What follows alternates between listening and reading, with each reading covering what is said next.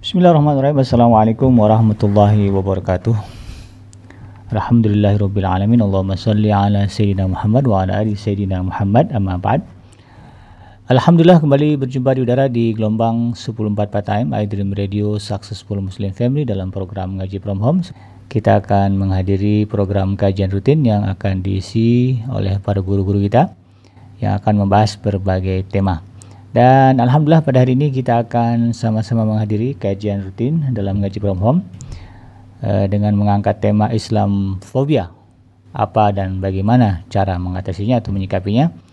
Dan tema ini akan dibahas oleh guru kita Ustaz Abdullah Haidir LC. Alhamdulillah beliau sudah berada di studio. Baik tidak berlama-lama kita akan menuju kepada guru kita Ustaz Abdullah Haidir LC yang akan membahas tema pada hari ini yaitu Islamophobia apa dan bagaimana cara menyikapinya. Kepada beliau saya persilakan. Tafadhol Ustaz. Assalamualaikum warahmatullahi wabarakatuh. Waalaikumsalam. Bismillahirrahmanirrahim. Alhamdulillahi rabbil alamin. Wassalatu wassalamu ala sayyidina Muhammadin wa ala alihi wa ashabihi wa man tabi'ahum bi ihsanin ila yaumiddin amma ba'd. اللهم علمنا ما ينفعنا وانفعنا بما علمتنا اللهم زدنا علما نافعا ورزقا طيبا وعملا متقبلا والحقنا بعبادك الصالحين Sahabat Edrim di mana saja berada, semoga kita selalu berada dalam lindungan kasih sayang keridhaan Allah Subhanahu wa taala.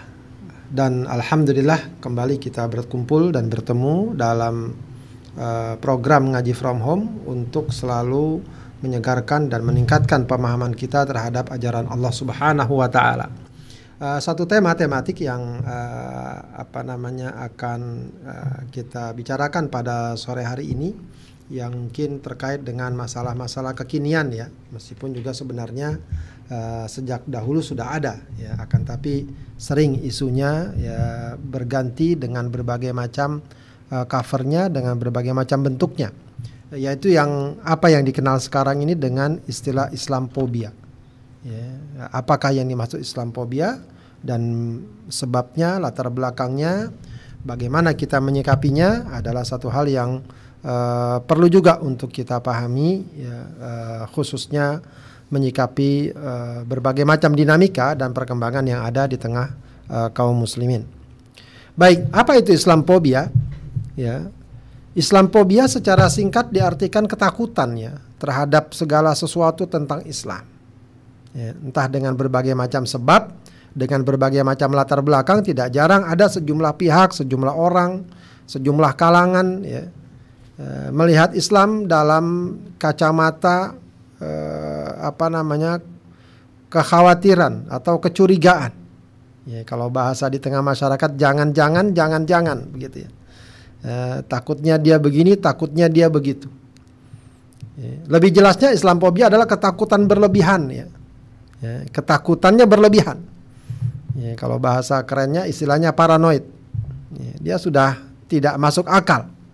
Ya, apa saja yang uh, dikaitkan dengan Islam sesuatu yang dikhawatirkan menimbulkan uh, ancaman dalam berbagai hal.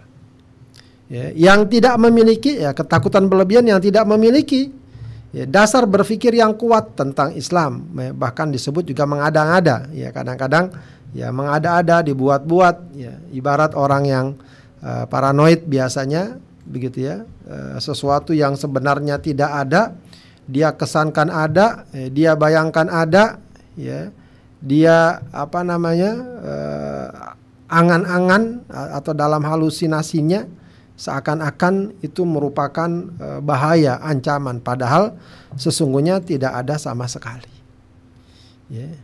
Sahabat Adrim yang dimuliakan Allah Subhanahu wa taala uh, melihat berbagai macam fenomena yang uh, sering ada atau tampak pada sebagian orang ya ada sedikit atau banyak fenomena seperti ini. Ya, kekhawatiran ya, kalau misalnya Islam bangkit kalau misalnya Islam diterapkan, kalau misalnya Islam dan lain sebagainya dan lain sebagainya. Lalu muncul berbagai macam perkiraan, asumsi akan terjadi pertumpahan darah, akan terjadi kekacauan, akan terjadi ini dan itu, pelanggaran hak asasi manusia, ya mungkin nanti misalnya kaum wanita akan ditindas, tidak bebas dan semacamnya.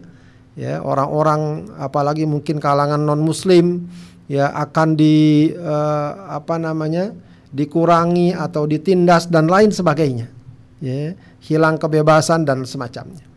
Ya, ini yang tidak jarang didapati di tengah masyarakat ya, meskipun memang uh, tentu saja dengan tingkat yang berbeda-beda, yang berbeda-beda. Akan tapi sedikit atau banyak ya, kadang-kadang Islamophobia itu uh, tampak ya dalam sikap, dalam ucapan dan lain sebagainya uh, dan lain sebagainya ya, memandang uh, Islam, ya, orang Islam atau ajaran-ajaran Islam sebagai sebuah ancaman.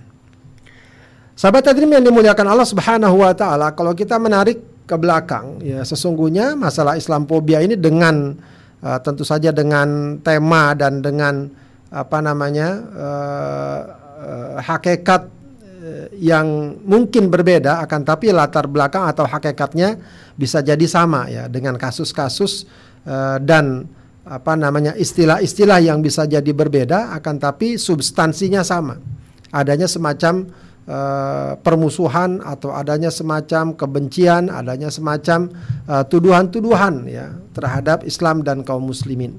Ya, kemudian lahirlah berbagai macam tingkat atau ting, apa tindakan atau sikap ya, atau pernyataan ya, yang uh, sedikit atau banyak mengandung uh, permusuhan ya atau mengandung uh, kekhawatiran ya, atau menilai Islam sebagai anca ancaman. Ya, jika kita melihat uh, lebih dalam ya, hal ini sudah tampak ya. Bahkan dari sejak uh, awal penciptaan manusia ya ketika iblis sudah berjanji di hadapan Allah Subhanahu wa taala ya, dalam surat Sot ayat 82 qala fa bi'izzatika la ughwiyannahum ajma'in. Ya, iblis berkata fa bi'izzatika dengan kebesaranmu aku akan uh, menyesatkan kalian semua. Jadi uh, sudah ada semacam permusuhan yang ditanam kuat-kuat yang diyakini kuat-kuat kuat-kuat oleh iblis ketika dia uh, diusir, ketika dia dilaknat, ya, diusir dari surga karena ketidaktundukannya maka dia berjanji untuk menyesatkan umat umat manusia. Ya. Dalam surat At-Taubah ayat 32 Allah Subhanahu wa taala mengatakan yuriduna ayyutfi'u nurallahi biafwahihim wa ya'ballahu illa ayyutimma nurahu walau karihal kafirun. Mereka ya, orang-orang yang tidak beriman, orang-orang munafik itu akan selalu berusaha untuk memadamkan cahaya Allah.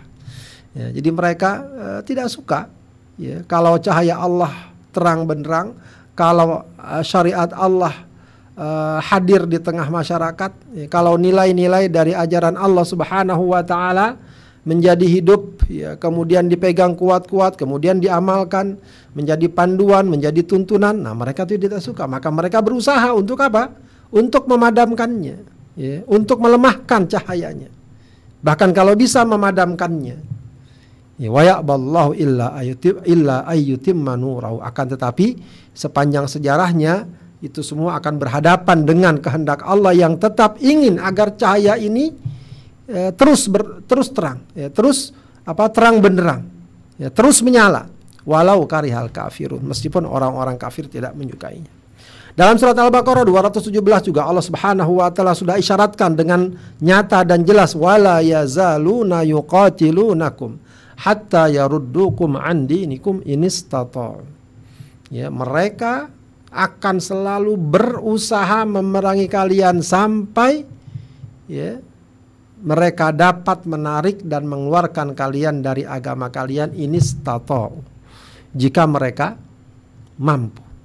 Ya, jadi uh, kalau boleh dibilang ini cikal bakal. Ya kalaupun memang tidak dikatakan sejak dahulu sebagai Islamophobia tapi cikal bakal yang sudah sangat jelas ya landasan dan patokan yang sudah sangat jelas bahwa sejak awal selalu ada pihak-pihak yang tidak menginginkan Islam yang tidak menginginkan kaum muslimin yang tidak menginginkan orang-orang beriman komitmen dengan keimanannya komitmen dengan ajaran ya, keimanannya atau ajaran dan syariat Allah Subhanahu wa taala.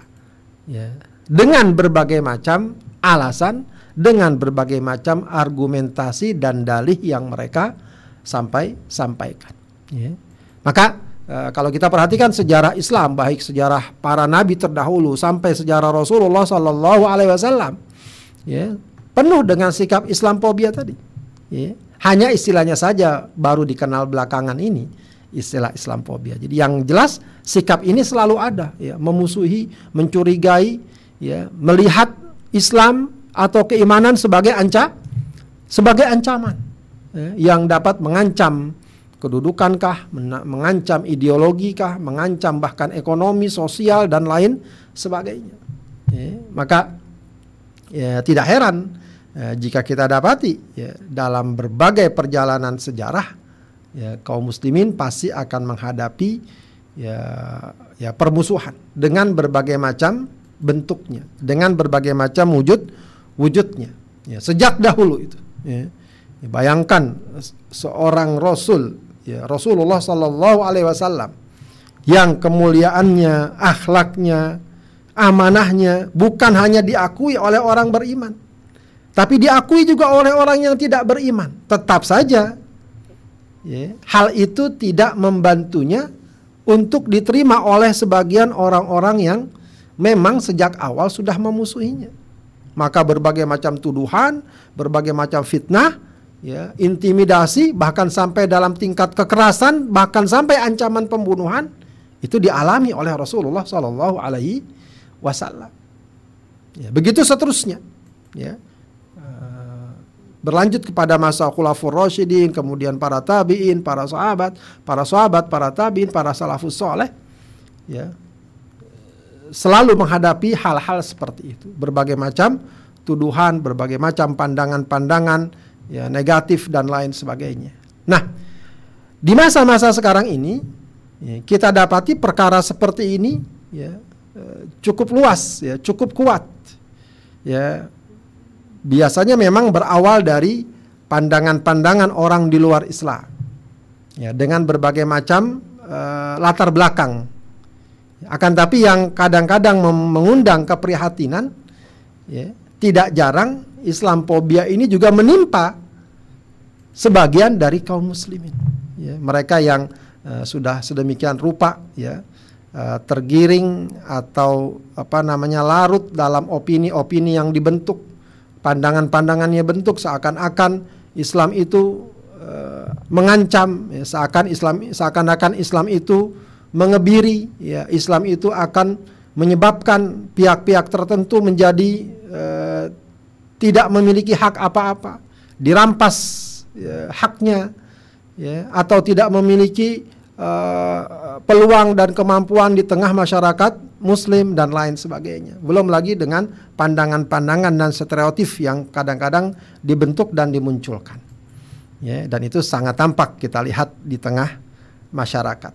Ya, misalnya ya contoh-contoh gambaran Islam fobia masa kini. Ketika ada penyerangan bersenjata ya yang dilakukan oleh kaum muslimin Ya, sebagian tentu saja ada memang tidak kita ingkari, tidak kita pungkiri. Ada sebagian kaum muslimin ya yang memang entah bagaimana apa latar belakangnya, apa alasannya bermacam-macam ya. Lalu dengan serta-merta itu dinisbatkan kepada Islam, ya, menjadi teroris Islam. Begitu ya, di berbagai negeri sempat terjadi. Ya, kita tidak tahu apa persisnya latar belakangnya yang jelas kaum muslimin secara umum menolak terorisme menolak tindakan yang dapat membunuh orang-orang uh, sipil yang tak berdaya, yang tak tahu menau dan lain sebagainya. Itu semua tidak diterima, khususnya jika itu terjadi di negeri-negeri yang memang tidak ada peperangan, tidak ada uh, pertikaian secara nyata, tidak ada uh, benturan yang jelas antara muslim dan non-muslim dan seterusnya. Ya. Itu memang tidak diterima. Siapa pun, bahkan di negeri non-muslim sekalipun, kalau itu dilakukan, itu tidak diterima oleh kaum muslimin. Para ulama kaum muslimin menolak hal itu dan itu jelas.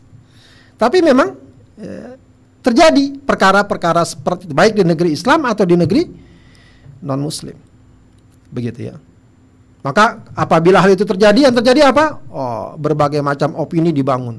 Terorisme Islam, kemudian diarahkan Islam mengajarkan kekerasan, Islam tidak menghormati perbedaan agama, Islam uh, tidak memberikan perhatian terhadap hak asasi manusia, maka digiring seakan-akan ajaran Islam yang salah. Padahal itu tindakan dan perbuatan sebagian dari umat Islam. Tapi apa yang terjadi kalau seandainya penyerangan bersenjata ini dilakukan oleh non-muslim? Bahkan kepada kaum muslimin. Apa yang terjadi? Apakah dis disematkan istilah terorisme itu kepada agama-agama tertentu selain Islam? Ya, tidak kita dapatkan hal itu. Ya, tidak kita dapatkan hal itu. Paling disebut sebagai pihak atau orang tertentu atau siapa oknum dan seterus dan seterusnya. Begitu ya. Ini tampak ya, sekali perbedaan-perbedaan uh, apa namanya uh, sikap Ya, perbedaan-perbedaan juga bahkan sampai dalam tingkat diksinya, narasinya, ungkapannya, istilahnya dan seterusnya.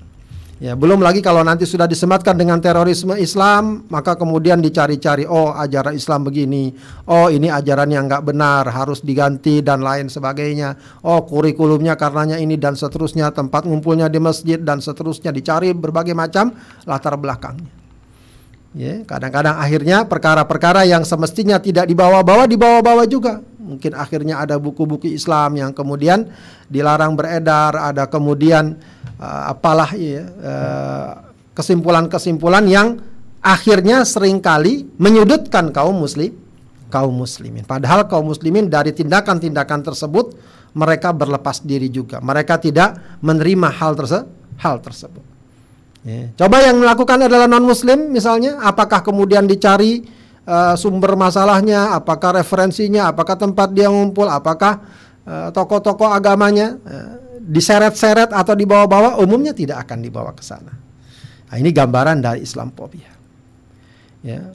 Atau juga mungkin yang sekarang juga ramai tentang hijab muslimah, wanita muslimah yang menutup aurat, yang ingin menjaga kehormatan dirinya Ya, maka sering kali digiring dengan opini bahwa itu sikap terbelakang, melanggar hak asasi manusia, melanggar kebebasan, ke apa namanya, tidak menghormati kemajemukan dan seterusnya. Ya, digiring ya seakan-akan uh, hijab muslimah, wanita muslimah yang menutup aurat itu uh, apa namanya, mengundang kerawanan, ya, mengundang uh, permasalahan. Ya, padahal kalau diperhatikan ya sesungguhnya yang menjaga aurat, yang menutup diri dan lain sebagainya eh, jauh hal itu lebih baik bahkan secara sosial sekalipun.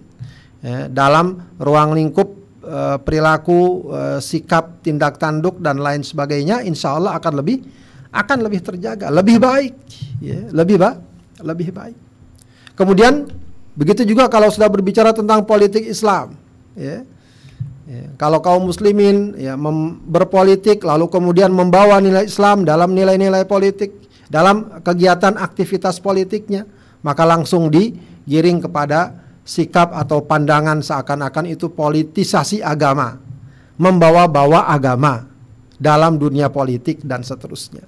Ya, padahal kita tahu bahwa nilai agama itu mencakup dalam Islam, ya, ajaran agama, ajaran Islam itu mencakup semua aspek kehidupan Ya, kalau seseorang ya, membawa nilai agama, membawa misi agama dalam agenda politiknya, ya itu justru sesuatu yang dibutuhkan. Ya, sebagaimana Islam juga dibutuhkan dalam dunia pendidikan, dalam dunia bisnis, dalam dunia perdagangan, sosial dan lain sebagainya. Ya, maka bukan hal yang keliru. Ya, bahkan di negeri-negeri Barat, di negeri di negeri-negeri non Muslim sekalipun ada partai-partai yang berlandaskan aga, agama misalnya ya, atau menyampaikan nilai agama dalam uh, atau membawa misi agama dalam dunia politik. Sepanjang hal itu mengikuti koridor dan konstitusi yang berlaku. Ya. Itu bukan masalah sektarian, politik identitas dan lain sebagai dan lain sebagainya. Ya, ini kadang-kadang juga begitu. Ya, seakan-akan kalau ada orang membawa nilai agama, uh, menyampaikan ajaran agama, ya, dalam aktivitas politik seakan-akan itu menjadi uh, sebuah perkara yang tak perkara yang tabu. Padahal juga kita tahu bahwa negeri kita tentu saja sangat ya, menempatkan masalah agama sebagai masalah yang sangat fundamental. Bahkan uh, sila pertama dari uh, apa namanya dasar negara kita, ya jelas-jelas memberikan isyarat yang kuat agar kita peduli dengan agama. Agar kita menjadikan agama sebagai patokan dalam kehidupan. Ya, sila ketuhanan yang Maha Esa itu adalah merupakan refleksi dari bahwa bangsa ini, negeri ini adalah negeri yang ya menjadikan agama sebagai uh, pedoman dan patokan kehidupan kehidupannya. Begitu ya. Kemudian juga kalau ada perlawanan-perlawanan menghadapi penjajahan dan lain sebagainya, ya maka dibuatlah isu-isu eh, bahwa itu separatisme, terorisme dan seterusnya. Ya, padahal yang terjadi mereka hendak membebaskan negerinya dari penjajah dari penjajahan. Ya, yang paling tampak sekarang sekarang tentu saja uh, di Palestina ya bagaimana mereka ya, kehidupannya masih belum mendapatkan kemerdekaan sepenuhnya berada di bawah penjajahan dan penindasan kaum Zionis ya Nah ini mereka kadang-kadang mendapatkan stigma-stigma separatis, teroris dan lain sebagainya. Ya. Sementara di sisi lain eh, ada sikap-sikap yang menghina Rasulullah, menghina eh, Nabi Muhammad SAW eh, dikategorikan sebagai kebebasan berpendapat, tidak eh, dijadikan sebagai sesuatu yang dapat eh, menista atau dianggap sebagai menista keyakinan dan ideologi seseorang. Nah, ini gambaran-gambaran ya Islamophobia masa kini ya, yang uh, sering kali kita dapati di media. Seringkali berita-berita tentang Islam dan yang lainnya sangat tidak berim, sangat tidak berimbang. Ya, coba saja kalau dibandingkan misalnya ada seorang yang punya latar belakang Islam dan lain sebagainya melakukan tindakan-tindakan tertentu yang katakanlah melanggar, maka uh, sering kali itu menjadi berita-berita yang sangat besar. Sementara di saat yang bersamaan ya, ada orang lain ya, bukan Muslim kemudian melakukan pelanggaran dan apa ya berlalu begitu saja, lewat begitu saja, begitu saja. Nah, ada sedikit kaum muslimin yang kemudian ya mungkin dituduh misalnya ingin merongrong negara, ingin melakukan tindakan separatisme dan lain sebagainya, maka langsung ya menghadapi begitu rupa ya permusuhan. Padahal sering kali lebih pada dugaan. Sementara ada yang eh, jelas-jelas ingin memisahkan diri, ingin melakukan uh, pemberontakan atau ingin ya katakanlah sekarang ingin merdeka. Ya. Namun uh, tidak mendapatkan perhatian yang semesti yang semestinya atau sebagaimana yang dialami oleh uh, kaum muslimin. Nah ini uh, satu hal yang kadang-kadang memang sumbernya adalah Islamophobia tadi. Ya. Jadi kalau sudah berbicara tentang Islam uh, memang ada sebagian pihak yang sedemikian rupa takutnya. Sedemikian rupa uh, ngerinya ya terhadap uh, Islam itu sendiri. Padahal sesungguhnya apa yang mereka takutkan itu lebih kepada uh, apa namanya uh, sikap yang berlebihan tadi, sikap yang dibuat-buat atau bisa jadi mereka korban dari pihak-pihak yang memang sengaja menimbulkan ketakutan dan kekhawatiran untuk berbagai macam kepentingan-kepentingan dan tujuan-tujuan mereka. Maka uh, penting juga di sini kita ketahui ya sebab-sebab munculnya Islamophobia ya. Pertama adalah ya adanya permusuhan abadi dari iblis dari awal iblis sudah berjanji sebagaimana kita katakan. Ya, dari iblis inilah kemudian uh, dia meng menghembuskan permusuhannya kepada beberapa pihak atau sejumlah pihak yang kemudian mereka pun uh, mengikuti langkah dan program iblis ini. Terus menghembuskan permusuhan dan ketakutan terhadap Islam dan kaum muslimin. Tujuannya jelas kalau iblis itu agar orang-orang jauh dari Islam, agar orang-orang meninggalkan Islam, bahkan yang sudah dalam Islam pun agar meninggalkannya, atau yang belum masuk Islam atau belum mengenal Islam agar tidak mengenalnya. Dan itu banyak terjadi, khususnya di negeri-negeri non-Muslim. Ya, banyak sekali mereka-mereka yang memandang Islam dengan pandangan yang sangat jauh dari nilai dan ajaran Islam yang sebenarnya. Ya, karena memang ya mungkin saja sumber mereka, media mereka atau apalah ya terbatas dengan apa yang selama ini menjadi kesimpulan mereka. Ya mereka simpulkan bahwa Islam misalnya haus darah Islam itu kejam terhadap wanita Islam itu uh, mengancam orang-orang non muslim ya. Boleh dirampas misalnya boleh dibunuh misalnya dan seterusnya. Islam itu adalah selalu perang dan semacamnya. Nah itu uh, terbentuk sejumlah orang sejumlah pihak yang seperti itu. Maka lahirlah tadi Islam tadi Ya, satu kali bisa jadi lewat di depannya seorang muslim. Maka apa yang kira-kira terekam dalam benaknya? Oh, ini dia orang Islam. Oh, ini dia orang yang katanya A B C D E begitu ya dengan segala pandangan-pandangan buruknya. Ya. Karena memang sejak awal ya, sudah mendapatkan bisikan demi bisikan yang sumbernya adalah dari iblis yang ingin selalu berusaha ya menjauhkan manusia dari Islam dan ajaran Allah Subhanahu wa taala. Kemudian perkara lain yang juga tidak jarang terjadi adalah dengki, ya, sikap dengki. Ya, sikap ini uh, boleh jadi seseorang tahu sebenarnya hakikat Islam tidaklah begitu.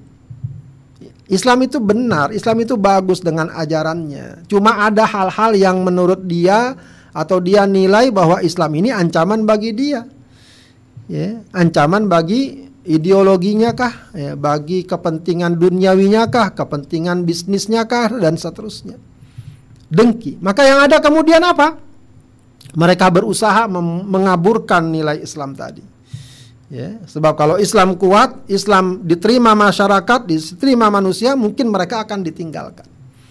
Ya, kedengkian ini uh, bisa jadi yang menjadi latar belakang kemudian lahirnya berbagai macam pandangan dan sikap yang tidak yang tidak benar terhadap is terhadap Islam. Ya, padahal bisa jadi mereka tahu mereka sudah memahami dan menggali Islam dari aspek akidahnya, ibadahnya, sosialnya, akhlaknya, ekonominya, sampai pada politiknya dan seterusnya, semua adalah ajaran-ajaran yang uh, bagus, ya, ajaran-ajaran yang benar bahkan terhadap non-muslim sekalipun. Ya, tidak ada satupun ajaran Islam yang mengajarkan kalau dia non-muslim maka boleh dizolimi, boleh disakiti, boleh dibunuh. Tidak. Yang ada justru larangan untuk mengganggu siapa pun termasuk non-muslim. Bahkan mengganggu mereka beribadah. Ya, rumah ibadah mereka pun tidak boleh di dihancurkan. Ya, itu sudah merupakan ajaran Islam. Ya, tidak dengan alasan bahwa kalau mereka non muslim lalu mereka boleh disakiti tidak. Ya. Ini sebenarnya jelas dalam Islam. Cuma ada sebagian orang yang boleh jadi menyembunyikan hal ini, tidak menampilkan hal ini. Yang ditampilkan apa? Yang ditampilkan adalah oh Islam itu kejam, Islam itu adalah jahat, Islam itu adalah ancaman dan seterusnya. Islam itu kebodohan dan seterusnya. Ya, ini uh, bisa jadi terjadi. Ya, ini yang kemudian juga uh, dalam sirah Rasulullah sallallahu alaihi wasallam ya dihadapi atau di, eh, didapati pada orang-orang Yahudi Bani Israel ya mereka tahu betul bahwa eh, Rasulullah SAW adalah nabi terakhir karena sifat-sifatnya sangat jelas terkandung dalam kitab-kitab mereka. Ya, cuma mereka ya apa namanya dengki. Ya, dalam Al-Quran dikatakan sebagai bagi. Ya, eh, bagi yang bainahum. Ya. Eh, wa makhtalafal ladzina utul kitaba illa min ba'di ma ja'ahumul ilmu baghyan bainahum. Ya, justru uh, mereka tidaklah menyelisihi. Rasulullah sallallahu alaihi wasallam justru ketika bukti jelas. Ya, karena permusuhan mereka, karena kedengkian mereka. Ya, khususnya karena Rasulullah berasal dari bangsa Arab bukan dari Bani Israel, bukan dari Bani Israel. Orang-orang munafik juga begitu. Ya. Mereka tentu tahu tentang kemuliaan Rasulullah Sallallahu Alaihi Wasallam. Cuma keberadaan Rasulullah mengancam ya, kepemimpinan mereka, kedudukan mereka yang selama ini sudah mereka nikmati di Madinah. Maka lahirlah tadi permusuhan tadi. Kemudian selalu meng menghembuskan, ya, selalu menyebarkan opini-opini yang tidak benar terhadap is terhadap Islam. Kemudian juga sebab munculnya Islamophobia, ya ini sudah kita singgung tadi, minimnya pemahaman terhadap Islam ya, minimnya pemahaman terhadap Islam. Informasi tentang Islam banyak yang tidak sampai. Kalaupun sampai tidak utuh. Ya, sebagian-sebagian ya, kadang uh, sudah ya uh, ada distorsi, ada uh, apa namanya? pengaburan makna, pengaburan nilai, ya, sejarah dan semacamnya. Maka yang terjadi apa? gambaran-gambaran yang buruk terhadap Islam, gambaran-gambaran yang menakutkan terhadap terhadap Islam begitu sehingga tidak jarang berbagai macam kasus terjadi orang-orang yang ingin mencari keburukan-keburukan Islam lalu dia e, cari lagi dia dalami lagi yang dia dapati justru kebaikannya. Dan tidak jarang orang seperti itu masuk Islam. Ada sebuah orientalis ada seorang orientalis yang sangat terkenal dari Perancis ya. Yang dulu e, apa namanya sangat viral ya. Maurice Bucaille Ya, dia asalnya ingin mencari kelemahan titik-titik kelemahan dalam Islam. Ya, tapi semakin dia cari, semakin dia mendapatkan nilai-nilai dan kemuliaan Islam. Ya, banyak itu terjadi kasus seperti itu. Kenapa? Karena selama ini yang sampai kepadanya tentang Islam itu tidak utuh, tidak sempurna. Ya, sudah mengalami distorsi atau pengaburan makna yang yang banyak. Bahkan di tengah umat Islam sendiri pun kadang-kadang itu masih ada, ya. Informasi-informasi tentang Islam yang kadang-kadang sudah ada semacam pengaburan, ada semacam uh, pandangan-pandangan yang keliru, yang tidak benar dan seterusnya. Itu ada. Ya, sehingga tidak jarang juga di sebagian umat Islam kadang-kadang pada sebagian hal memandang dengan pandangan nega, negatif. Ya, misalnya sebagian pandangan katakanlah bahwa wanita dalam Islam cukup di rumah saja. Ya tidak boleh ke mana-mana tidak usah sekolah tidak usah jadi orang pintar ya dan lain sebagainya. Ya, tentu tidak demikian ya. Aisyah radhiyallahu anha itu sangat terkenal dengan kecerdasannya ya, dengan kepintarannya bahkan dikatakan orang yang paling pintar ya para ulama e, dari kalangan salaf bukan hanya dari kalangan laki wanita pun ya dan seterusnya banyak hal-hal yang e, layak untuk di selalu diperbaharui dan diperbaiki. Kemudian Islamophobia juga bisa muncul kenapa? Karena perilaku keliru sebagian kaum muslimin ini juga tidak dinafikan. Kaum muslimin yang keliru dalam menerapkan Islam karena semangat ibadah-ibadah mereka lupakan dunia, mereka akhirnya mengharapkan belas kasih orang dan seterusnya. Ya, akhirnya uh, tidak memiliki izah, tidak memiliki kehormatan diri dan lain sebagainya. Ya, ini juga tidak tidak benar. Atau kebalikannya, ada orang semangat berislam seperti tadi lalu melakukan pengerusakan, melakukan pemboman, terorisme, ini juga kemudian menimbulkan apa namanya? Eh, pandangan dan stereotip yang yang tidak benar, ya. Berbagai macam kasus di tengah masyarakat nah, itu sering kali ya, dilakukan oleh sebagian kaum muslimin dan kemudian menimbulkan perspektif atau gambaran negatif tentang is tentang Islam. Ya, padahal yang terjadi sesungguhnya adalah kesalahan dan keliruan kekeliruan sebagian kaum muslimin, bukan kekeliruan ajaran Islam.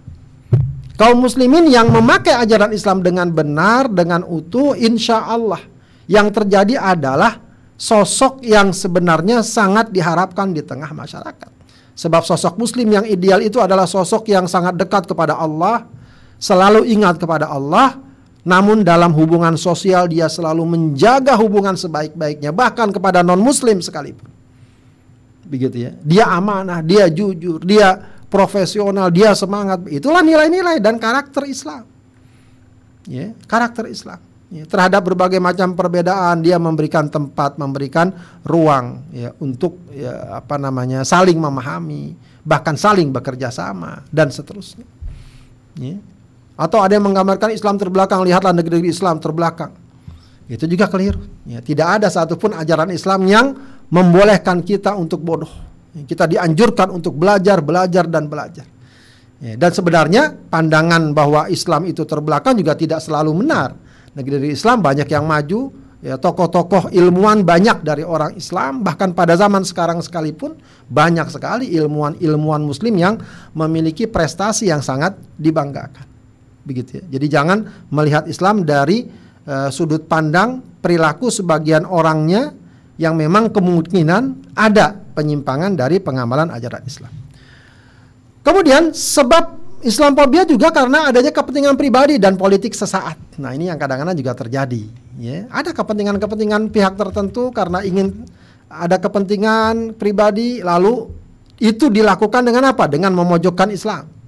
Ya, bisa jadi dengan hal itu dia mungkin mendapatkan apa namanya katakan kredit poin dari pihak-pihak tertentu yang punya wewenangkah, punya kekuasaankah dan lain sebagainya. Ya, sehingga dia mendapatkan tempat atau mungkin mendapatkan uang. Nah, ini ada kepentingan pribadi. Mungkin apa yang dia sampaikan tidak sebagaimana apa yang dia yakini, tapi dia punya kepentingan pribadi. Atau politik sesaat. Ini juga tidak jarang terjadi. Ya, tidak jarang terjadi. Ya, ya, dia ambil tema, dia angkat tema ya, untuk menarik simpati orang-orang yang memang tidak menyukai Islam dan kaum muslimin, maka dia uh, angkat tema tentang misalnya ancaman Islam, bahaya Islam dan lain sebagainya. Kepentingan politik sesaat, sesaat. Ya, tujuannya adalah tujuan politik, agendanya adalah agenda politik. Ya, korbannya adalah Islam dan kaum muslimin. Ya, maka uh, ini pun uh, tidak jarang terja terjadi. Maka muncullah Islamophobia di sebagian masyarakat. Jadi di tengah masyarakat pun bisa jadi mereka asalnya bukanlah pembenci Islam, tapi mereka terpengaruh. Seandainya mereka mendapatkan informasi yang benar, insya Allah tidak akan seperti itu pandangan dan sikap dan sikapnya. Lalu bagaimana kita mensiasatinya? Ya, maka bagi seorang Muslim, Islamophobia adalah bagian dari ujian keimanan. Jadi kalau ada orang menyikapi Islam dengan salah, ya, dengan pemahaman yang salah, dengan pemahaman yang keliru, lalu dia membenci, lalu dia memusuhi, lalu dia ini dan itu, maka bagi seorang Muslim ini adalah ujian keimanan. Kita berhadapan, tidak mungkin ya, keimanan kita hanya berhadapan dengan orang-orang yang baik, yang setuju, yang oke, okay, tidak. Ya, justru ujian keimanan ketika kita berhadapan dengan orang yang membenci, orang-orang yang memusuhi, orang-orang yang selalu menebar fitnah dan seterusnya. Apakah kita goyah atau tidak? Jangan sampai belum apa-apa kita udah mengatakan, oh iya ya ternyata Islam begini. Jadi gimana nih begitu ya? Tidak jarang hal-hal seperti ini mempengaruhi kaum muslimin dan lama kelamaan ya dia semakin jauh dari Islam, semakin tidak ada rasa bangga dengan Islam, semakin lemah ikatannya dengan Islam. Ya. Karena citra dan pemahaman buruknya tentang Islam semakin besar. Nah, mestinya tidak. Uh, ini harus jadi ujian. Kalau ada orang membenci Islam, maka tetap kita yakini Islam yang benar. Ya. Uh, bisa dicari latar belakangnya. Mungkin tadi dia belum memahami Islam secara utuh dan seterusnya. Ya, kalau kita lihat bagaimana Rasul dan para sahabatnya, apalagi di awal-awal Islam belum banyak orang Islam, uh, yang banyak justru yang memusuhinya. Nah, itu ujian yang luar biasa. Kalau kita alhamdulillah ya, ya di negeri muslim, yang mayoritas muslim, kalaupun ada satu dua, ada pihak-pihak tertentu yang sampai sekarang tampak memusuhi Islam dan kaum muslimin, ya jangan sampai hal itu mempengaruhi sikapnya. Justru itu menjadi ujian. Oh, beginilah memang uh, kenyataannya. Bukan hanya pada masa sekarang, sejak dahulu pun sudah terjadi, sudah terjadi, ya. Jadi uh, ini adalah ujian keimanan kita untuk terus memperkuat dan memperkokoh akidah kita, keyakinan kita. Bahkan ini sarana bagi kita, motivasi bagi kita untuk semakin memperdalam Islam. Oh, ternyata Islam disepakati, dipahami seperti itu. Oh, masih banyak orang yang pemahamannya keliru tentang Islam. Oh, berarti saya harus semakin kuat memahami Islam agar nanti bisa menyampaikan, bisa meluruskan pemahaman-pemahaman bengkok tentang is tentang Islam. Maka poin berikutnya jangan mudah terpengaruh, jangan goyah, jangan minder, inferior. Ya, paling tidak ya kalau ada orang memojokkan Islam jangan kemudian kita goyah. Pokoknya yang penting keyakinan kita sebagai seorang muslim jelas. Al-Islam ya'lu wala yu'la ala. Islam itu paling tinggi dan tidak ada yang meninggikannya lagi. Ya. Wala tahinu wala tahzanu ya. wa antumul a'launa in kuntum mu'minin. Ya, jangan lemah, jangan sedih dan kalian itu tinggi kalau kalian beriman.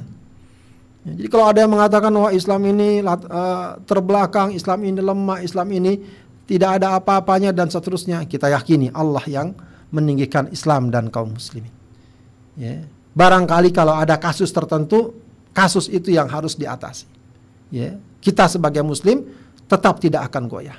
Ya. Sebagaimana tidak goyahnya Bilal bin Rabah, ya. sebagaimana tidak goyahnya Ammar bin Nasir bin Yasir, sebagaimana tidak goyahnya Mus'ab bin Umair, Sa'ad bin Abi Waqqas ketika menghadapi terpaan-terpaan dalam ujian keimanannya. Ya. Dan tidak minder, tidak inferior. Oh, karena dikatakan Islam terbelakang jadi kita malu menampilkan Islam. Kita malu jadi orang Islam. Nah, ini kadang-kadang ada juga sikap seperti ini. Akhirnya apa? Malu jadi orang Islam. Ya. Padahal justru jadi orang Islam itu harus bangga. Betapa kita tidak bangga, ajaran kita adalah ajaran yang benar Allah yang membenarkan, syariatnya pun sudah teruji sejak dulu hingga sekarang. Ya, dan sampai sekarang selalu mendapatkan pandangan-pandangan positif dari pihak-pihak yang objektif menilai, is, menilai Islam. Dan jangan inferior, ya, jangan merasa malu, jangan merasa uh, apa namanya minder ya dengan Islam. Kemudian jangan terpancing juga. Ya, kadang memang ada orang yang senangnya mancing, senangnya menarik-narik atau kalau bahasa sekarang memprovokasi. Ya. Maka diprovokasi umat Islam agar berkata kasar, agar berkata nista atau sampai pada tindakan apa namanya e, kekerasan ya, karena melihat perilaku sejumlah pihak. Wah itu yang sangat mereka tunggu-tunggu. Ketika kaum muslimin ya emosional menghadapi hal itu lalu kemudian melakukan tindakan apa misalnya apakah pemboman, apakah pembunuhan, apakah pengrusakan dan lain sebagainya. Nah, itu akan jadi kesempatan bagi mereka untuk memperkuat stigma mereka. Inilah kaum muslimin. Ya, jadi kita memang harus betul-betul bisa uh, ya bahasa yang sering dipakai berselancar ya, tidak tidak begitu saja kita melawan ombak dan lain sebagainya akhirnya terbentur. Ya, mereka senang kalau ada kaum muslimin hilang kontrol dan lain sebagainya. Ya, kita tetap ya, kuat dengan Islam kita, kita tetap membela Islam dengan koridor yang benar. Ya, tentu saja juga dengan sikap santun, sikap yang baik, tapi tidak melupakan ketegasan kita terhadap prinsip-prinsip Islam. Ya, tapi jangan sekali-kali terpancing ya baik secara verbal atau secara perbuatan atau tindak tanduk dan lain sebagainya. Kemudian di sisi lain adanya Islamophobia ini hendaknya memancing kita, mengundang kita untuk terus memperluas wawasan kita terhadap Islam. Ya, setiap hari hampir setiap hari akan selalu lahir syubhat-syubhat ya, yang ingin melemahkan pandangan keislaman. Ya, eh, belakangan-belakangan kita lihat bagaimana ada orang ingin melegalisasikan Homer misalnya. Ya, lalu kemudian ada anggapan bahwa Homer itu Uh, kalau sedikit, kalau tidak mabuk atau di sebagian masyarakat sangat dibutuhkan dan seterusnya dan seterusnya. Nah itu harus kita cari itu ya landasan-landasan yang kuat dan kokoh uh, dalam ajaran Islam. Maka wawasan harus kita buka bahwa Homer misalnya bukan cuma sekedar diharamkan karena Al-Quran mengharamkannya. Tapi mestinya Homer memang dilarang karena ternyata secara sosial dan lain sebagainya mengundang berbagai macam kerusakan, berbagai macam uh, kemunkaran. Ya. Bahkan walau di negara-negara yang sekarang membebaskan khamar pun khamar tetap menjadi masalah. Ya, tetap menjadi masalah. Nah, itu wawasan kita harus kita perluas. Ya, wawasan tentang keluarga misalnya. Eh, banyak sekarang digiring bahwa keluarga nggak usah bawa-bawa agama urus sendiri. Begitu ya. ya. Jangan ikut campur urusan agama anaknya dan keyakinan tidak. Padahal dalam Islam diajarkan orang tua punya tanggung jawab untuk ya merawat dan menjaga keimanan keluarganya, anaknya, ku anfusakum wa ahlikum nar. Ya, belum lagi tentang masalah perzinahan, ya, berzina bebas segala macam. Sekarang dengan berbagai macam pendekatan. Ya, ya, mereka menilai itu bahwa zina itu batasannya atau permasalahan yang jadi batasnya itu suka atau tidak suka. Kalau nggak suka, kalau dipaksa maka itu menjadi terlarang walau sudah keluarga. Ya, itu salah satu yang ingin mereka hidupkan. Walaupun belum berkeluarga, kalau sama-sama suka, tidak ada yang dipaksa, tidak yang didikan, tidak apa-apa. Nah itu kan bahaya. Nah itu harus kita perluas wawasan kita. Ya, kalau Islam itu batasnya bukan masalah itu, batasannya adalah nikah atau tidak. Kalau tidak nikah, suka atau tidak suka, apalagi dipaksa, jelas perbuatan melanggar, haram, dan pasti akan mendapatkan banyak keburukan. Ya, tapi kalau sudah menikah, maka itu urusan rumah tangga. Tentu memang tidak boleh ada kekerasan dan lain sebagainya. Ya, tapi intinya uh, hubungan uh, seksual setelah pernikahan itu adalah hubungan yang yang halal. Dan itu dianjurkan dalam Islam, diperintahkan dalam is. Intinya adalah kita pun selalu dituntut untuk memperluas wawasan kita terhadap Islam. Bahwa Islam ini bukan cuma urusan akhirat, bukan cuma urusan pahala. Islam ini urusan kehidupan kita sekarang. Kalau kita pakai Islam dengan baik, dengan benar, dengan utuh, maka sesungguhnya dia akan mengundang kebaikan. Ya, tapi memang kalau Islam hanya dipakai sebentar-sebentar, sesaat-sesaat, cuma di masjid, cuma sholat, lalu dalam kerja, dalam tugas Islam ditanggalkan, ya amanah tidak dipedulikan, ya harta halal dan haram dilabrak dan seterusnya. Ya memang tentu saja akan terjadi banyak pelanggar pelanggaran. Maka nanti orang-orang mengatakan lihat itu masyarakat Islam, lihat itu ijar Islam nggak benar. Ya, masyarakat jadi kayak begitu. Padahal bukan ajarannya yang nggak benar ya, sebagian dari kaum muslimin tidak mengamalkan Islam dengan ben dengan benar. Kemudian juga perkuat narasi tentang Islam. Ya.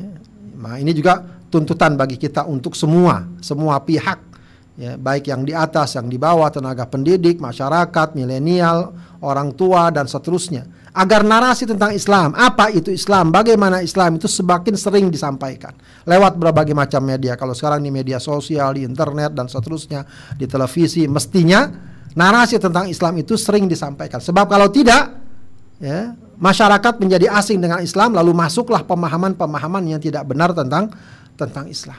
Ya, maka sampaikan nilai-nilai Islam itu.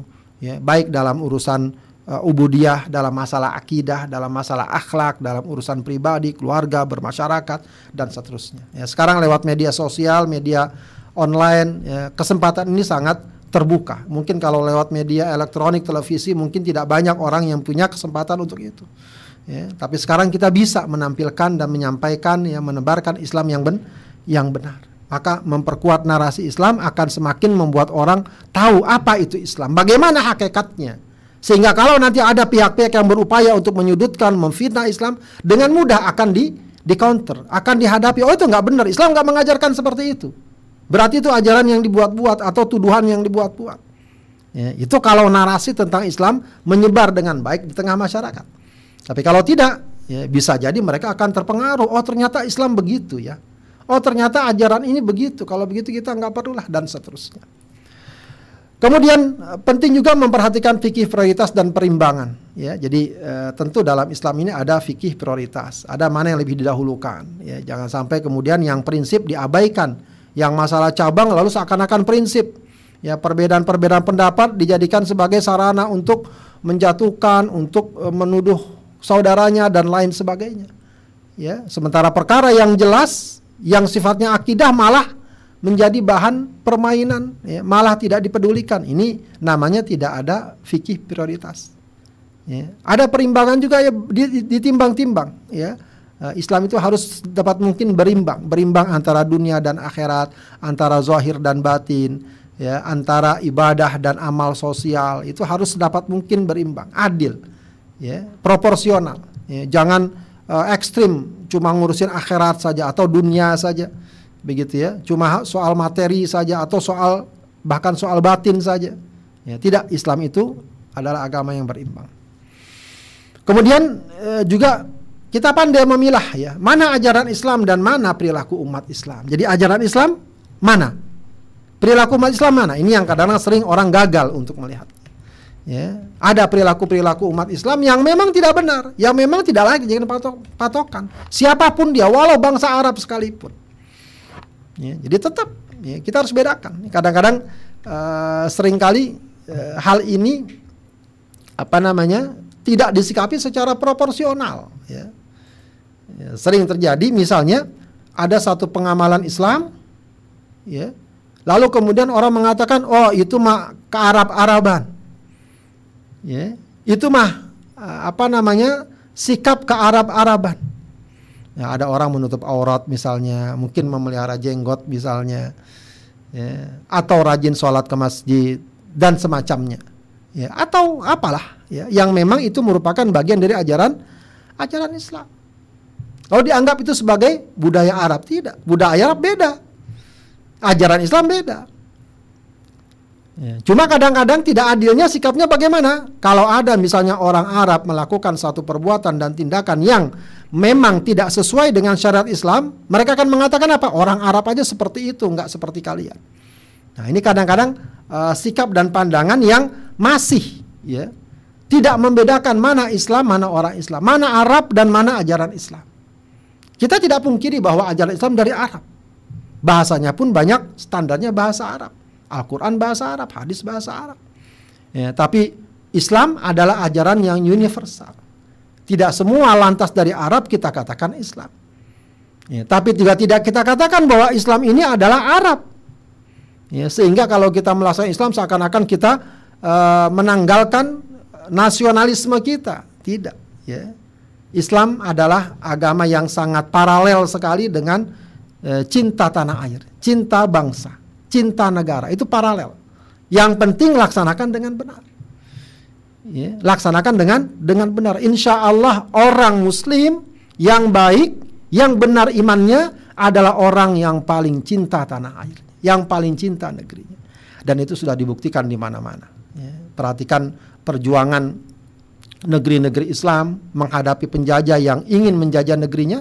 Siapakah yang paling terdepan membela negerinya yang paling terdepan mengusir penjajah ya, kaum muslimin, para ulama, diikuti oleh para santri dan seterusnya.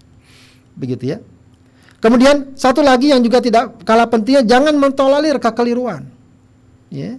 Ini yang kadang-kadang juga bisa menjadi sumber dari uh, distorsi atau pembusukan terhadap ajaran Islam atau kaum muslimin. Ya. Ketika kita melihat kekeliruan kaum muslimin, lalu kita katakan oh nggak apa-apa. Selagi kita dia muslim kita anggap tidak apa-apa.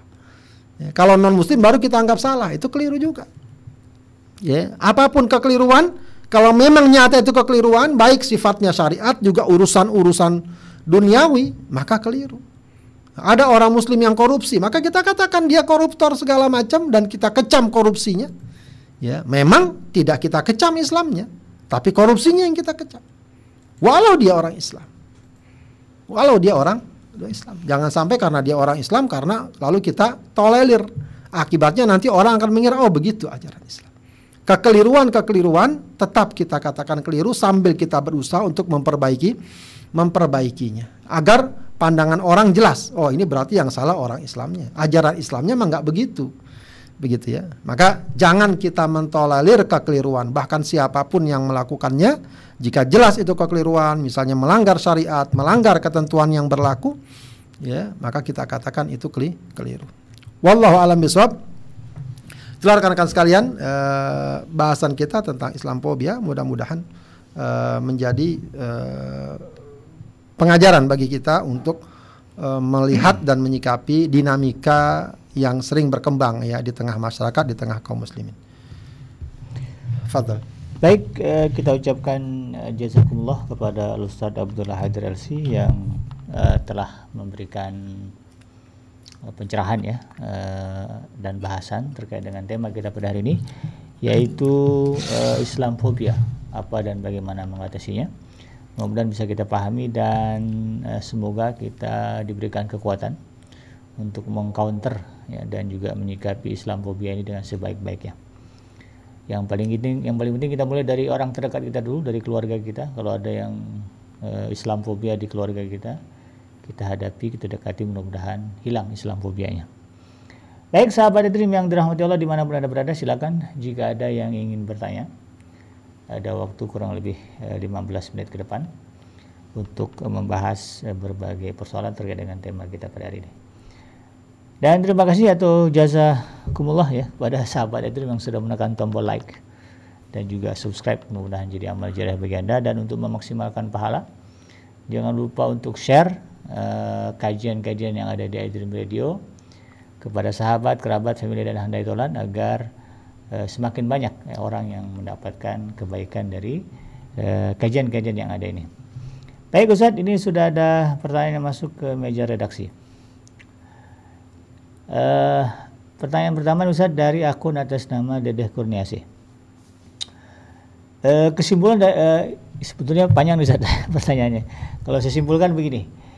Ini kira-kira uh, apa bedanya antara uh, liberalisme ya atau katakanlah sekarang ada istilah Islam liberal dengan Islamfobia. Karena sepertinya mirip-mirip Ustaz. Ya, ya. Dua-duanya sama-sama nyinyir begitu dengan ajaran Islam. Uh, kalau itu ada di dalam internal umat Islam ini bagaimana Ustaz? Ya.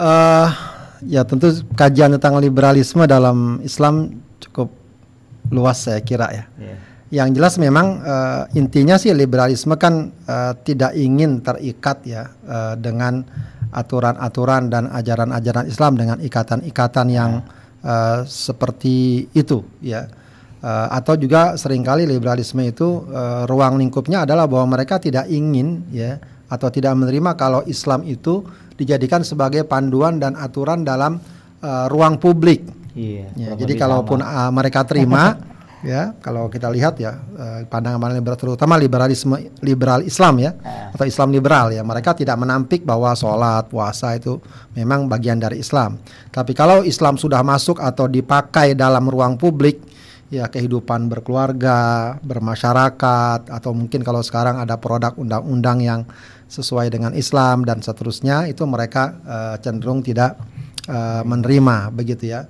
Uh, kemudian juga uh, terkait dengan politik mereka tidak menginginkan uh, Islam dimasukkan dalam agenda-agenda politik ya dan yang juga sisi lain yang juga tampak dari liberalisme Islam itu adalah uh, mereka tidak menerima kebenaran mutlak dalam uh, perspektif Islam. Hmm. Ya, artinya bahwa Islam itu memang yang paling benar, tidak ada lain yang benar selain Islam. Ya, mereka tidak mau menerima seperti itu. begitu ya bagi mereka uh, ajaran lain agama lain punya hak untuk juga dibenarkan begitu ya. Jangan sampai dikatakan batil dan seterusnya. Maka nanti uh, ujungnya itu mereka juga menolak ya penyebatan penyematan istilah kafir kepada non muslim dan seterusnya. Itu efek-efek berikutnya begitu ya. Jadi memang uh, ke, ke, lebih jauh lagi itu masalah ideologi juga yang sangat rawan ya pemahaman liberis dengan segala tingkatan-tingkatannya. Mungkin tingkatnya akan berbeda be. Akan berbeda-beda jadi uh, kalau dilihat uh, liberalis Islam liberal lah katakan demikian, ini memang lebih kepada masalah ideologis yang akarnya ya memang sebenarnya sangat fundamen ya. Uh, artinya uh, tidak tidak bersedialah ya, tidak mau kalau Islam itu dijadikan sebagai kebenaran mutlak, pegangan mutlak, patokan uh, dan juga kemudian dijadikan sebagai pedoman di ruang publik. Kalau Islamophobia ya ini bisa jadi lebih luas cakupannya. Artinya Ya, ini bisa jadi orang-orang yang sebenarnya ya tidak ada kepentingan itu semua, cuma dia terpengaruh dengan pandangan-pandangan stereotif ya atau stigma yang buruk tentang is tentang Islam. Bisa jadi mereka orang baik-baik. Kalau seandainya mereka tahu ya tentang Islam secara utuh, ya bisa jadi pandangan mereka akan berubah. Akan berubah. Eh, dan ini bahkan bisa jadi menimpa umat Islam, umat Islam yang kemudian nanti berpikiran negatif terhadap Islam. Ya, tapi kalau seandainya dia mencoba berpikir lebih dalam, ya ternyata setiap misalnya subhat-subhat atau pandangan-pandangan negatif itu, oh ternyata jawabannya begini, oh ternyata ini kenapa begini, ternyata begini dan seterusnya. Ya, dia akan bisa jadi akan berbalik melihat Islam dengan benar. Jadi uh, cakupan atau jangkauan Islamophobia bisa menjangkau siapa saja mereka-mereka yang tidak mendapatkan informasi yang utuh tentang is Islam. tentang Islam sehingga uh, sadar atau tidak sadar, sengaja atau tidak sengaja, akhirnya menimbulkan ya kecurigaan, ketakutan sampai pada taraf permusuh permusuhan. Ya, banyak sekali itu kasus ya. Kalau kita lihat uh, tokoh-tokoh atau siapa yang masuk Islam itu tidak jarang. Ya mereka mengatakan apa? Dulunya saya benci Islam. Dulunya saya memusuhi Islam. Saya lihat Islam tuh begini begini. Ternyata setelah saya dalami, saya pelajari, ternyata nggak begitu. Iya. Itu banyak sekali. Nggak perlu saya iya, ceritakan satu-satu. Kalau mau dicari ada saja itu. Ya, seperti ya. itu. Iya, iya, baik, baik, Ustaz. Tapi Ustaz kalau berbicara status keimanan orang yang kata ini tadi juga disebut ditanya, kalau misalnya adrik di tubuh umat Islam itu sendiri, uh, sifat Islamophobia atau katakanlah mengarah ke uh, liberalisme Islam atau Islam liberal. Uh, status keimanan mereka kalau dikaitkan dengan apa yang Allah firmankan di dalam surah uh, As-Saff As-Saff ya ayat yang ke 8 ya kalimatnya kan yuriduna liyutfi'u nurallahi bi afwahihim wallahu mutimmu nurihi walau karihal kafirun. Ini status orang yang Islamfobia kalau dia katakanlah di KTP-nya Islam apakah sudah kafir Ustaz? Baik, kalau berbicara status kita nggak perlu terlalu jauh ya. kita nggak perlu terlalu uh, masuk ke dalam wilayah dan ruang tersebut. Okay. Ya. Kita diingatkan oleh satu ungkapan yang sangat bagus. Nah nuduat lah Okay. Ya, kita cukup menyeru, mengingatkan. Adapun status siapa si fulan dan lain sebagainya tak perlu kita utak-atik dan kita apa namanya istilahnya ya uh, oprek-oprek begitu istilahnya. Itu si fulan masih muslim atau enggak begitu ya. Itu nggak perlu begitu ya. Sebab uh, untuk hal seperti ini kita cukup berbicara tentang zahir saja. Nah. kumu bil zawahir wallahu yatawallas sarair. Kami kita hukumi dengan perkara zo perkara zahir. Uh, dan Allah yang mengatur yang mengatur dan mengurusi perkara-perkara yang tersembunyi yang tersembunyi. Sepanjang mereka semua dikenal sebagai muslim ya sudah. Ya kita hukumi sebagai muslim secara zo secara zahir. Tapi memang patut kita ingatkan dan kita wanti-wanti, kita sadarkan bahwa pemahaman-pemahaman tertentu hmm. ya uh, itu kalau tidak hati-hati memang dapat menyebabkan. menyebabkan atau berpotensi menyebabkan ya berkurangnya lemahnya keimanan sampai dalam taraf menggugurkan keimanan. Nah, iya. Begitu. Itu yang harus kita ingat ingatkan. Ya, jadi harus kita ingatkan bahwa jangan jangan sembarangan ketika ada orang mengatakan semua agama sama. Itu bukan perkara ringan dalam is, Islam. dalam Islam. Meskipun orang kadang-kadang menyebutkannya ri, ringan. ringan ya, Islam bukan satu-satunya yang benar. Nah, itu sesuatu yang dalam Islam itu berat. Ya. Sebab apa? Sudah sangat jelas dengan berbagai macam uh, apa namanya landasan dan argumen. Iya. Dan ini tidak berarti kita lantas memusuhi dan memerangi begitu. Itu yang harus diingat diingatkan. Makanya uh, untuk perkara-perkara sifatnya keyakinan. Kalau dulu kita udah bahas masalah akidah, ya. Iya. masalah akidah. Ya, ini penting sekali. Ya, kita ingatkan masalah keyakinan. Ya, bahkan ini lebih berat dari masalah pengamalan. Contoh sekarang yang sedang ramai kemarin sempat ada diskusi mungkin yang eh, apa namanya aktif di Twitter itu sedang ramai diskusi masalah apa apa namanya zina konsen gitu ya. Artinya eh, bahwa permasalahan perzinahan yang sudah saya singgung tadi ya. Permasalahan perzinahan itu sebagian orang melihat cuma masalah dipaksa atau nggak dipaksa. Oh iya. Ada kekerasan atau ti? Tidak. tidak. Kalau ada kekerasan Zina. zina atau itu yang dilarang. Ada paksaan dilarang. Bahkan kalau sudah berkeluarga sekalipun. Masya Allah. Wah, itu kan bahaya. Suami misalnya karena ingin segala macam ingin eh, berhubungan intim sama istri, istrinya sedang tidak ya namanya wanita mungkin juga sedang tidak Apa berselera. Lalu suami menginginkan saat itu juga. Lalu istrinya merasa terpaksa, itu pelanggaran kata. Iya. Nah, itu bahaya. Begitu ya. Dan pandangan ini ya kalau diperhatikan lebih jauh ya ya kalau tidak sama persis tapi mengarah kepada legalisasi zi, Zina. zina. Ya. Legalisasi zina artinya apa? Menghalalkan apa yang Allah haram. Dosa besar itu ya. Bukan cuma dosa besar. Kafir. ya. Kalau dosa besar masih mungkin. Makanya bisa dikatakan ya. Ya, meskipun ini mungkin ungkapannya agak berbahaya juga atau agak sensitif ya. Ustaz? Orang berbuat zina tapi masih meyakini haramnya zina masih mending Iya. daripada orang yang tidak berzina tapi yakin halalnya zina. Masya Allah. Ini kan masalah aki Akidah. akidah. Jadi tapi jangan dianggap oh kalau gitu saya zina aja lah.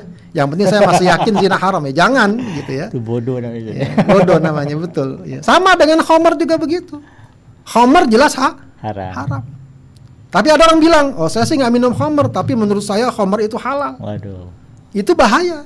Itu masalah aki Akidah. akidah. Ini yang harus kita tekankan dulu. Ya, bukan berarti kita kemudian oh kalau gitu Homer nggak apa-apa ya kalau yang penting kita yakin haram. Ya jelas dosa besar juga. Ya, tapi eh, perkara-perkara harus diperhatikan. Nah masalah-masalah seperti Islam liberal dan semacam itu masalah akidah yang beratnya.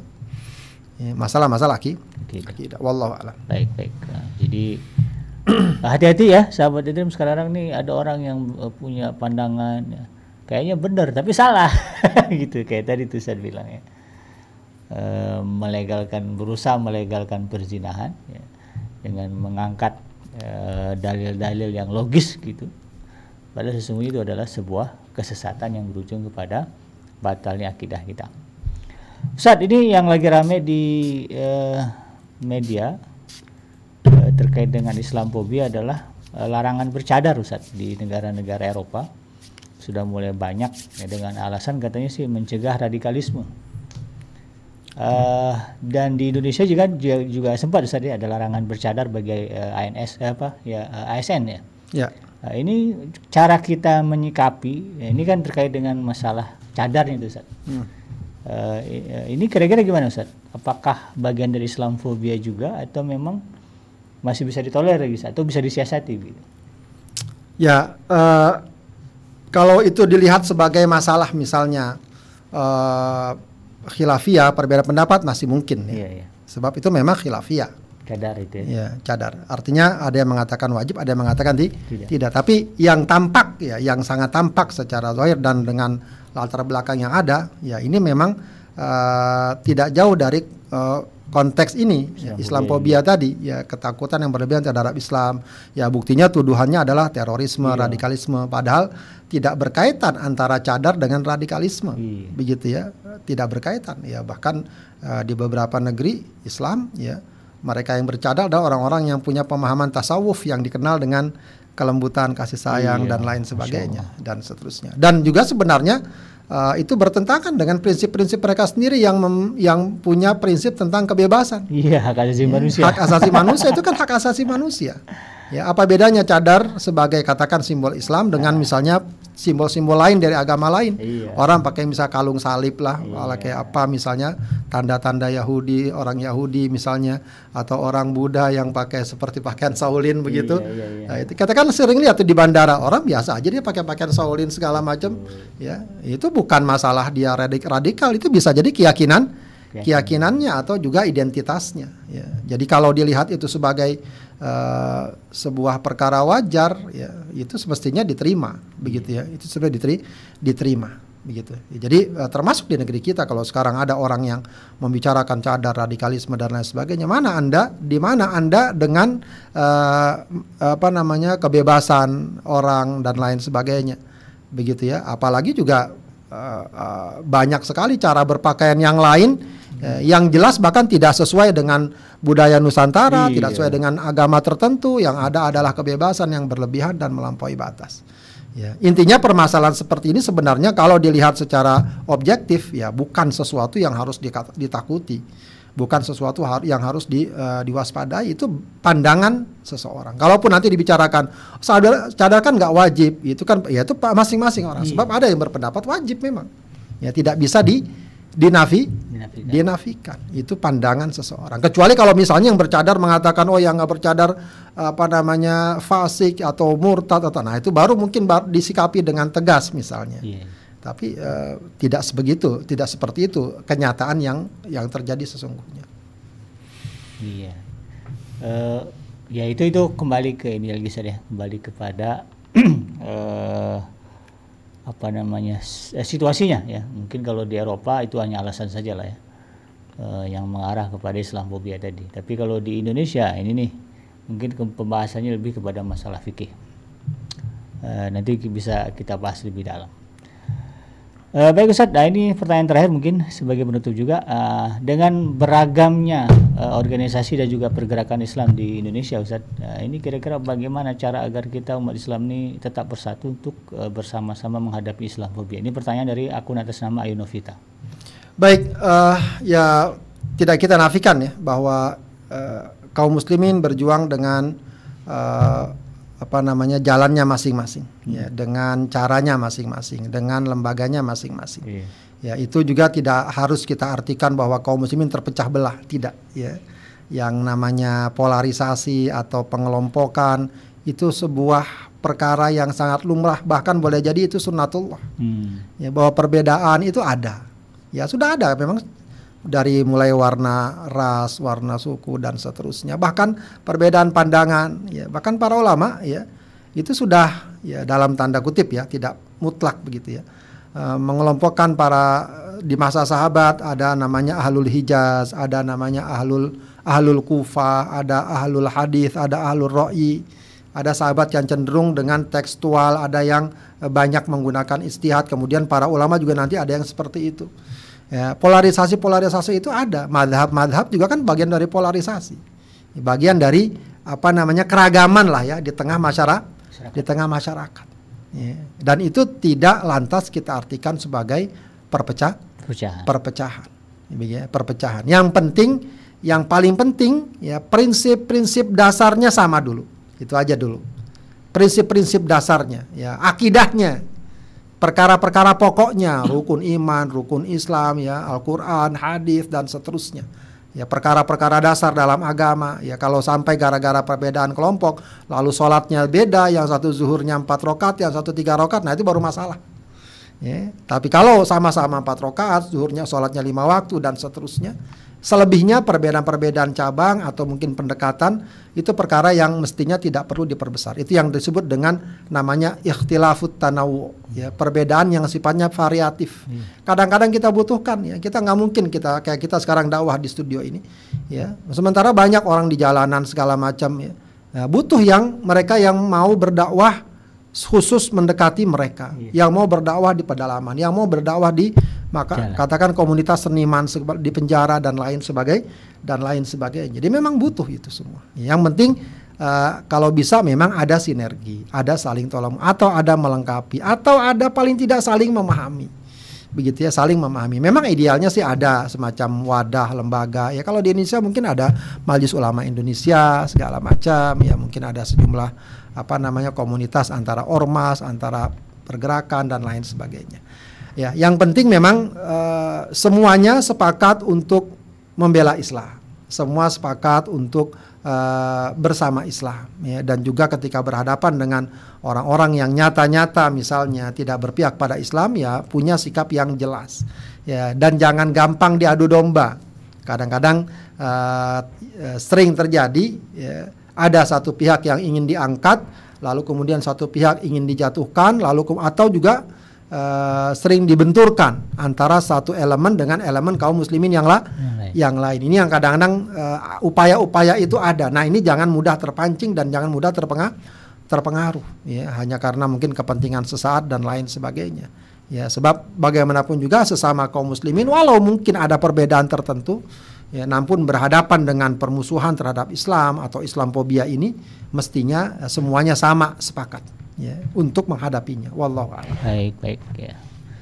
Jadi uh, tidak kalah pentingnya juga kita sering-sering berdoa kalau peduli dengan hal ini dengan doa yang diajarkan oleh uh, Al-Qur'an ya Rabbana ighfir lana wal ikhwanina alladziina sabaquna bil iman wa la taj'al fi qulubina ghillan lil amanu karena ke kedengkian uh, yang muncul dari uh, antara kaum muslim inilah yang kemudian bisa uh, melemahkan persatuan. Baik Ustaz, uh, demikian uh, rentetan pertanyaan dan sudah dibahas. Uh, sepertinya waktu kita sudah habis. Namun sebelum diakhiri Ustaz silakan untuk memberikan closing statement terkait dengan tema pada hari ini. Baik, uh, sahabat Adim yang dimuliakan Allah Subhanahu wa taala, uh, umumnya yang sering terjadi memang uh, di sebagian pihak yang kemudian membenci Islam atau memiliki pandangan yang buruk tentang Islam sering kali memang yang terjadi adalah gambaran yang tidak utuh ya terhadap Islam. Ini uh, setidaknya menjadi menjadi tantangan bagi setiap kita untuk terus ya menawarkan, menyampaikan, menyajikan Islam itu lebih baik, lebih mudah diterima ya, dan lebih utuh serta lebih lengkap dengan berbagai macam media. Ya, ada yang mungkin media elektronik, ya media cetak, mungkin bahkan dengan apa namanya uh, drama ya dengan karikatur dan semacamnya ya itu semua insya Allah tidak ada yang sia-sia selagi tujuan kita adalah untuk membela Islam, membela agama Allah, menegakkan dan meninggikan kalimat Allah Subhanahu wa taala. Semoga bermanfaat. Wassalamualaikum warahmatullahi wabarakatuh. Waalaikumsalam warahmatullahi wabarakatuh. Demikian sahabat Adrim yang dirahmati Allah di mana pun Anda berada. Uh, tuntas sudah kebersamaan kita di petang hari ini uh, dalam program Uji From Home yang membahas tema tentang Islamophobia, uh, apa dan bagaimana mengatasinya yang sudah disampaikan oleh guru kita Ustaz Abdullah Haidar LC. Mudah-mudahan apa yang beliau sampaikan, beliau sampaikan uh, bisa kita pahami dan kita aplikasikan dalam kehidupan kita. Amin ya robbal alamin. Baik, uh, saya Bikenji beserta kru yang bertugas pamit undur dari ruang dengar Anda. Mohon maaf atas segala kehilafan dan kekurangan. Subhanaka Allahumma rabbana wa bihamdika asyhadu an la ilaha illa anta astaghfiruka wa atubu ilaik. Walhamdulillahirabbil alamin. Assalamualaikum warahmatullahi wabarakatuh.